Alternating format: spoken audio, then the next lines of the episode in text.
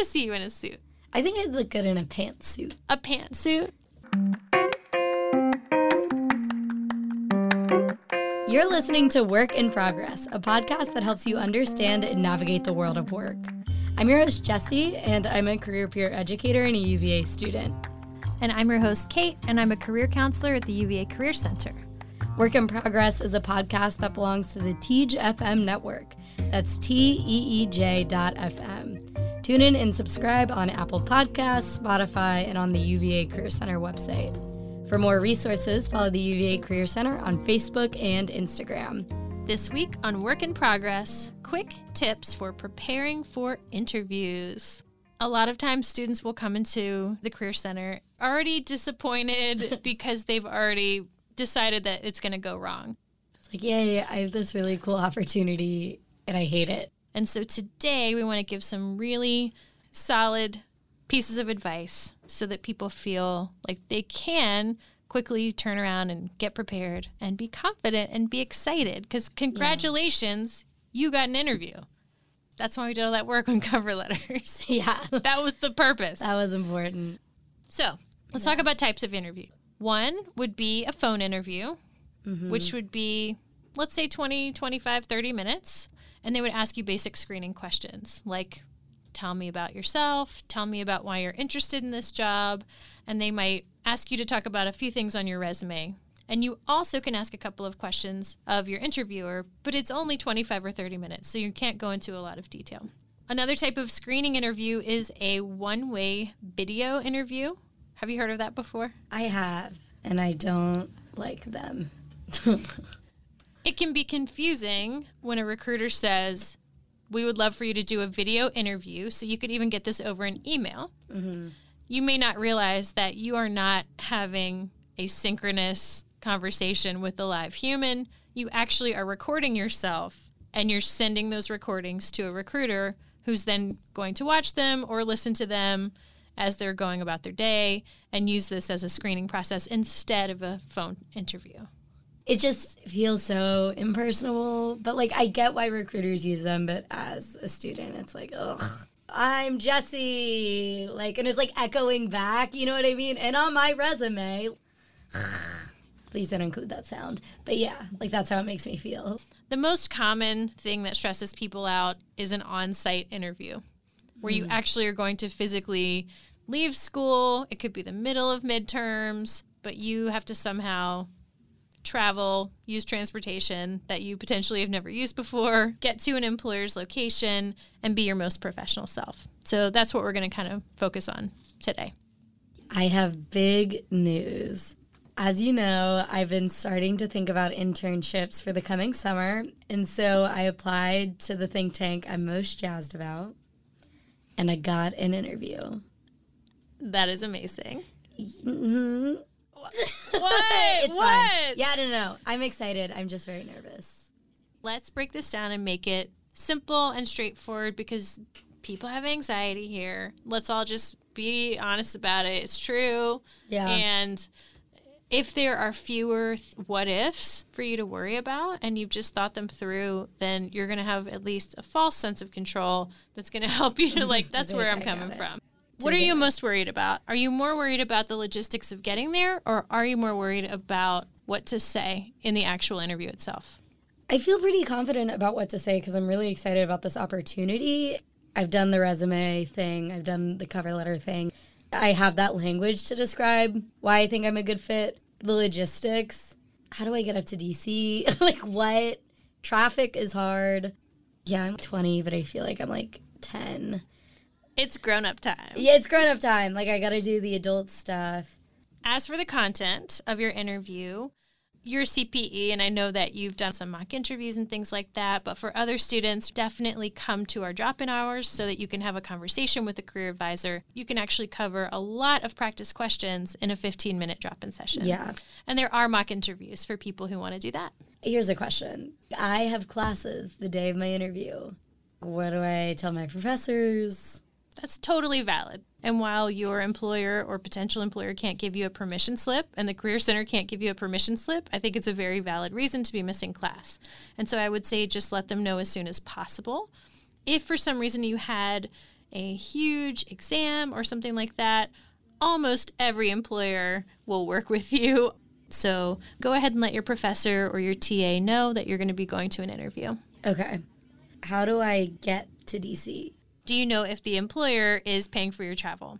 Okay. Sometimes people will offer you an interview and then say, We are going to have someone call you or give you a phone number to call so that you can arrange travel. And that means that they're covering the travel for you or that they would like to reimburse you for it, which is the best case scenario. Okay. Hard to know in every single circumstance. So, nonprofits and smaller organizations can't necessarily pay for that. And so, you Yeah. might have to have a conversation with them about what you're expected to cover versus what they're expected to cover.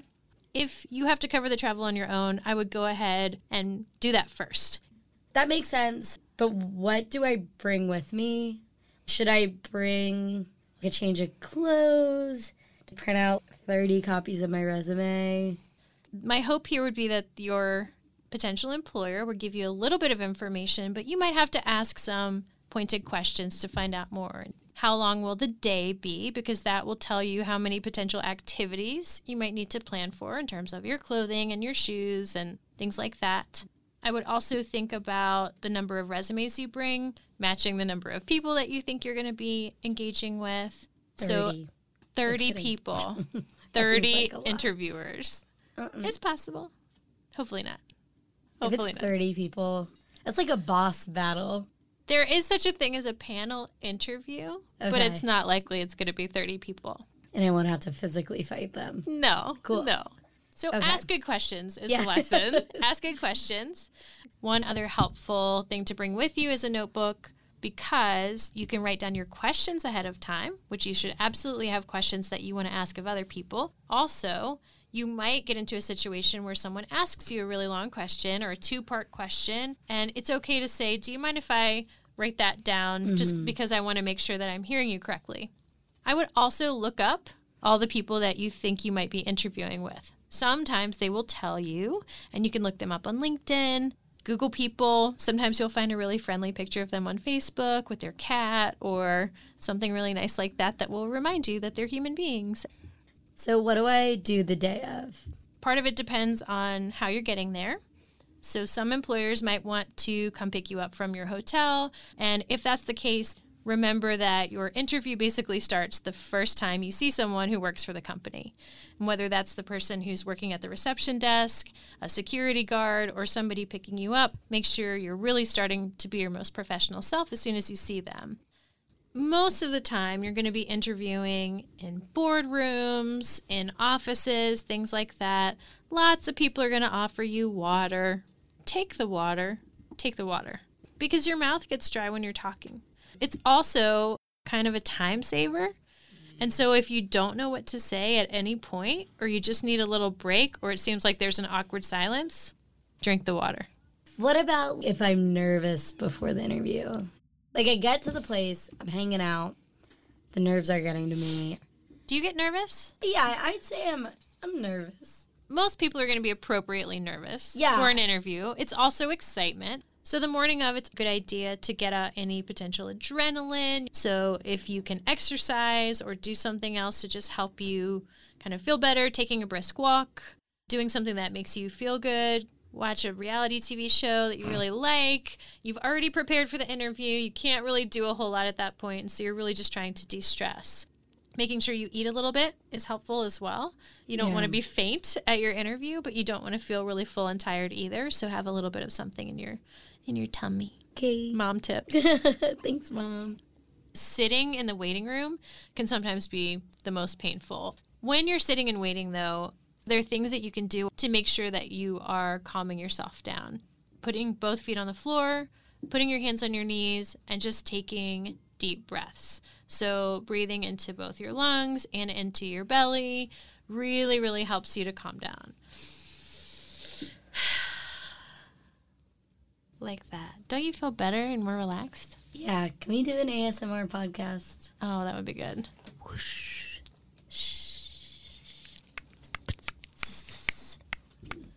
So then when I'm in the interview, if they ask me a difficult question that I just like did not prepare for, what do I do? There are lots of things you can do if you get a question you don't know how to answer. The first thing I would suggest would be to ask, Could you repeat the question, please? And that gives you a little bit of time. Maybe the question was really confusing, and you could even write it down Yeah. if that helps. Sometimes you can just kind of reflect the question back to the interviewer. So if it was a two part question, you can just say, I want to make sure I'm hearing you correctly. Did you ask me to name both a strength and a weakness that I think I could face in my first job after college? The worst thing that could happen is you completely blank. Your mind is just devoid of any potential answer. And so, if for some reason that were to happen and you're just totally panicked, my advice would be to say, I'm having a really hard time thinking of something right now. Would you mind if we came back to that question? And most likely, you're never going to come back to the question. The rest of your conversation is going to go on. You're going to smile. Your interview is still going to go well. And it's not the end of the world. Is silence bad? How can I use silence? So it's okay to ask for more time. if you really need to think about a question, it's okay to have a notebook in front of you and write a couple of notes down and maybe just to process or even bring some notes with you. And most likely, you're going to be talking faster if you're a little bit nervous. And so slowing down and being silent and taking pauses is not bad. I don't think it's possible for me to be silent for longer than like a minute and 30 seconds. Can I talk too much? Because I don't shut up. I just am talking all the time about whatever. I think the thing people really struggle with is closure. And what is the end of my story? And that's why I think this is my biggest weakness. um, you know, almost as if you were doing a book report as a kid, just giving someone that signal. This is also a good time to just drink water. Your body language can say a lot about the fact that you're done with your answer. And on a similar note, how do you stay conversational without being too casual? I don't want it to be like super like meet, meet, meet. I love professionalism. a lot of it has to do with the industry that you're working in. So I would use your best observational skills. And so mm-hmm. pay attention to how coworkers treat one another. If you see that they're kind of joking and smiling with one another, then that tells you a lot about how they behave in the work environment. And so you could maybe be a little bit more friendly and casual there versus everybody's pretty quiet, pretty conservative in terms of how much they're sharing, things like that. And I don't think anybody is going to expect you to be a robot. Yeah, meet, meet, meet. Meet me. Professionalism. All right. So your All right. interview day is almost over. okay, yeah. What do I do at the end of the interview? At the very, very end, you might ask what the next steps are going to be. The best thing that could happen would be for them to ask for your references, which means that they're looking at you as a top candidate. Oh. And speaking of email, you should also email them to say thank you. We have some really good examples of follow up emails on our website and lots of other examples of correspondence, things like that. And so if you're worried about the written communication, we've got you covered. And then call your mom. And then go, okay, and be like, this went so well, hopefully. What if it goes bad? If I don't hear back in a week, am I like, do I not get it? So you've sent a follow up note. And if you don't hear from them by the time they told you you would hear from them, it is good to follow up. Okay. directly after an interview, you're going to be exhausted. You might be really excited, but you're going to crash a little bit. So mm-hmm. I would also give yourself some time and space to just do nothing, if Yeah. at all possible, and not put too much pressure on yourself to try to put some control into that situation because it truly is a waiting game. Okay. Relax, Okay. go get a cupcake, take your uncomfortable suit off. Oh, it's like I'm there. Oh, God. Yep. Long day at work. You know me. Do you feel ready for your interview? I think I do. Yeah. I feel like we've gone over everything that I could have questions about. So you planned your week, you Yeah. know what you're wearing, you know what to take with you, you know who you might see, what to expect, and you're prepared. Yeah. Thank you all so much for tuning in. If you have more questions, please come see us in the Career Center.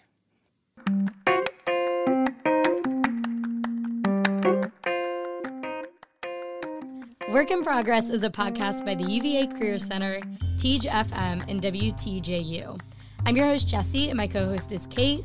Work in Progress is produced by Mary Garner McGee. Our music is from Blue Dot Sessions. Follow the UVA Career Center on Facebook, Instagram, and Twitter, and check out our website at career.virginia.edu.